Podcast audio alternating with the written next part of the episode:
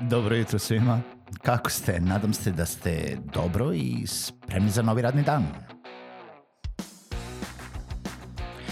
Pozdrav svima i dobrodošli na podcast Male pobede, stari novi podcast koji, well, koji je tu da bi vam kroz pitanje i savete dao motivaciju, pokrenuo vas u pozitivnom smeru i pomogao da ovaj dan počne bolje, jače i možda čak i zabavnije. Moje ime je Željko Crnjaković.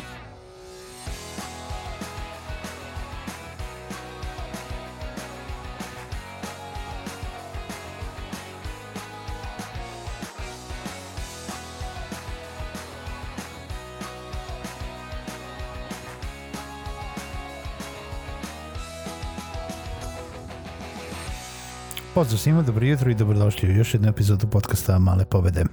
Nadam se da ste dobro ovog jutra i nadam se da se osjećate, ne samo da se osjećate dobro, nego da se nalazite u nekoj dobroj situaciji, da se nalazite u dobroj poslovnoj situaciji, da se nalazite u dobroj životnoj situaciji, da se nalazite u dobroj finansijskoj situaciji.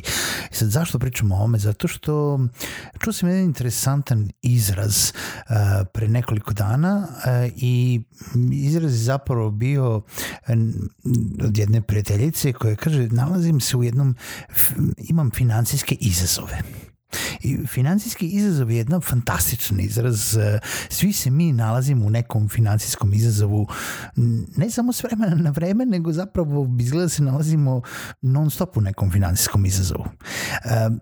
Zapravo kad malo bolje razmislimo ili kad ja malo bolje razmislim, ja ne znam nikoga ko se ne nalazi u nekom finansijskom izazovu. I činjenica da se većina ljudi nalazi u finansijskom izazovu, malo sam previše puta rekao uh, tu frazu, je um, zapravo veoma interesantna. I želim da se fokusiram u stvari na tu činjenicu, ne na, ne na sam izraz.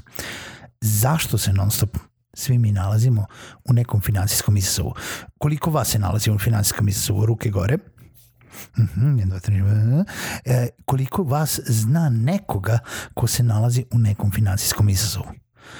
E, realno to je zato što svi živimo, nebitno koliko zarađujemo i ja znam da su neki zadovoljni sami sa sobom, neki nisu zadovoljni sami sa sobom, većina ljudi koji nije zadovoljna sama sa sobom, nebitno koliko zarađuje.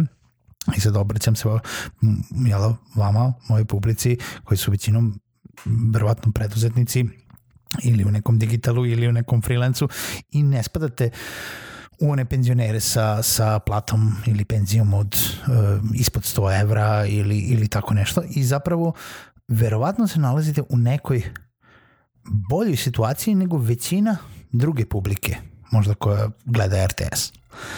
Ali i vi i mi i ja i mi svi koji znamo oko nas se nalazi u nekom finansijskom izazovu. Zato što svi živimo u granicama svojih mogućnosti. I to treba veoma dobro da zapamtimo. Nebitno u kom stadijumu života smo, da li smo studenti, da li smo počeli da radimo, da li smo zaposleni kod nekoga, da li radimo početne poslove, da li smo juniori, mediori ili seniori, ili smo preduzetnici uspešni, neuspešni, uh, sa mnogo klijenata ili malo klijenata i obrćemo ovoliki obrt ili onoliki obrt, svi živimo u maksimalnom skladu sa svojim mogućnostima i veoma brzo se adaptiramo na njih. I ja govorim iz veoma, veoma ličnog iskustva, šta iz onoga što sam video, svedočio i ono što sam proživeo. Znači, za one koji ne znaju, zna, uh, tokom svog radnog veka ja sam radio sam i kao predavač engleskog jezika, radio sam i u marketing agenciji, radio sam jedno vreme i u banci. I u mom radu u banci i posle toga sam prešao digital i posle toga sam prešao preduzetnike. Ali tokom mog vremena u banci radio sam i dve godine, to je ukupno trajalo četiri godine, dve godine sam radio na šalteru i video sam sve.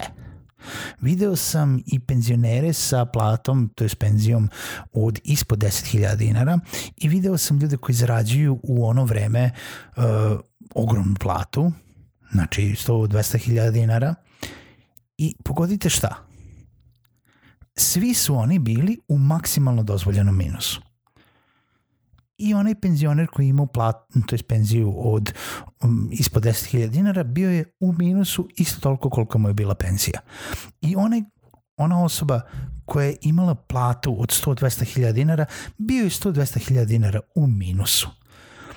I ja kada sam dobio tada platu koja je bila u to vreme, ne znam, recimo oko 40 kusur hiljada dinara, interesantno ukupna, uh, ukupna potrošnja mog domaćinstva, znači moje supruge i mene, koja je kombinovana plata je bila 3 do 5 hiljada dinara veća nego naše kombinovane plate. Znači, naša potrošnja je bila minimalno, ne puno, ne duplo, ne, ne 10, 12, 15%, je bila minimalno veća nego naša zarada. I onda sam se pitao kako je to moguće. Pa moguće je, moguće je zato što su postojale kreditne kartice, pa revolving, pa pozemice, pa e, ovaj, dozvoljeni minusi i tako dalje. Iz kako to da većina ljudi živi van svojih okvira i mogućnosti. I zašto je to tako? I zašto neki mogu da žive na e, kako tako na malim platama, neki mogu da žive na srednjim platama, neki mogu da žive na velikim platama, ali nikome nikad nije dosta. I svi mi non stop govorimo kako, svi mi kukamo kako imamo finansijske izazove i finansijske probleme i e, kako nemamo para.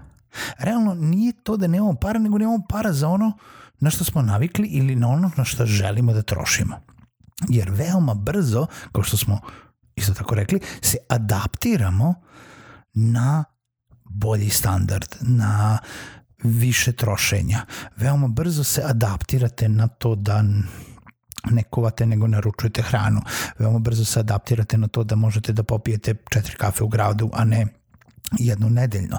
Veoma brzo se adaptirate na to da uh, više puta idete taksijem, veoma brzo se adaptirate na to da možda više vozite auto umesto da idete nekim gradskim prevozom ili biciklom i tako dalje. I to su sve sitne stvari koje se kad se nakaleme nakupe i naravno tu su naravno i svi ostali uh, sve ostale stvari i nisam ja cvećka koja sad vas jel da popuje oko toga kako ne bi trebalo da se žalimo. Trebalo bi samo da razumemo oko nas kada se svi mi žalimo na druge ljude koji se žale na finansijske izazove. I vi se žalite na svoje finansijske izazove i vi stalno kopate i grebete oko toga da, dobro je, ali moglo bi da bude još malo bolje jer samo mi fali još samo malo da bi bilo dobro. A u stvari, realno, ako radite ono što volite i ako imate za sebe da obskrbite i da vaša porodica i vi imate ono što treba da imate, pa sad da li ćemo ići svake godine na more ili ćemo jednu godinu da preskočimo, nije toliko bitno. Kada se uzme taj finansijski plan ili želje, čestitke, EPP i mali oglasi koje želimo da ispunimo sami sebi, pa ne mora svaki EPP i svaki mali oglas da bude ispunjen. Realno može nešto da se odloži svi bi mi hteli da budemo u tom nekih 5% planete i uh, koji je u stvari generacijsko nasledstvo uh, bogataši da imamo tetke u Kanadi, Austriji, ne znam nije odakle, ali većina nas nema rodbinu na polju većina nas nema šta od koga da, da čeka da tamo da dođe uh, iz inostranstva neki paket kovčeg ovaj, pun zlatnika i ostalo. Treba da e, shvatimo da svi se borimo sa svojim problemima, samo što su, naš, svako, svačiji problemi su različiti. O, onaj penzioner koji ima ispod 10.000 penziju, njegovi problemi se mere u jel da, hiljadama dinara onaj preduzetnik koji ima možda problema sa nekim uvozom ili tamo njegovi problemi se možda mere u par stotina hiljada dinara ili par miliona dinara. Oni Amerikanci tamo koji imaju milijarde, oni imaju totalno druge probleme koje mi ne možemo da zamislimo. Svako ima svoje finansijske izazove, svako ima svoje finansijske probleme. Treba da ih razumemo, treba da ih prihvatimo, treba da kažemo i mi imamo naše i oni imaju njihove i svako se trudi da to najbolje uh, ili da menadžinguje i da, da se nosi sa time. Nemojte da gledate na to, ja pa ti imaš finansijski izazov, kakav ti finansijski ima, imaš izazov ako imaš recimo duplu platu kao ja? Pa šta? Ima finansijski izazov i ta osoba je nekad bila u vašoj poziciji ili jednostavno ima druge e, dugove, izdatke nego vi. Plus toga, i mala pobeda za danas, nikad nemojte zaboraviti da ne znate šta se dešava u nečijem životu ili ne morate da znate sve što se dešava u nečijem životu, a da nije sve sjajno, bajno i, i uopšte vredno pomena za to da bi bilo na nekom vašem radaru. Razmislite o tome što sam rekao uh, i čujemo se u narednoj epizodi Malih pobeda.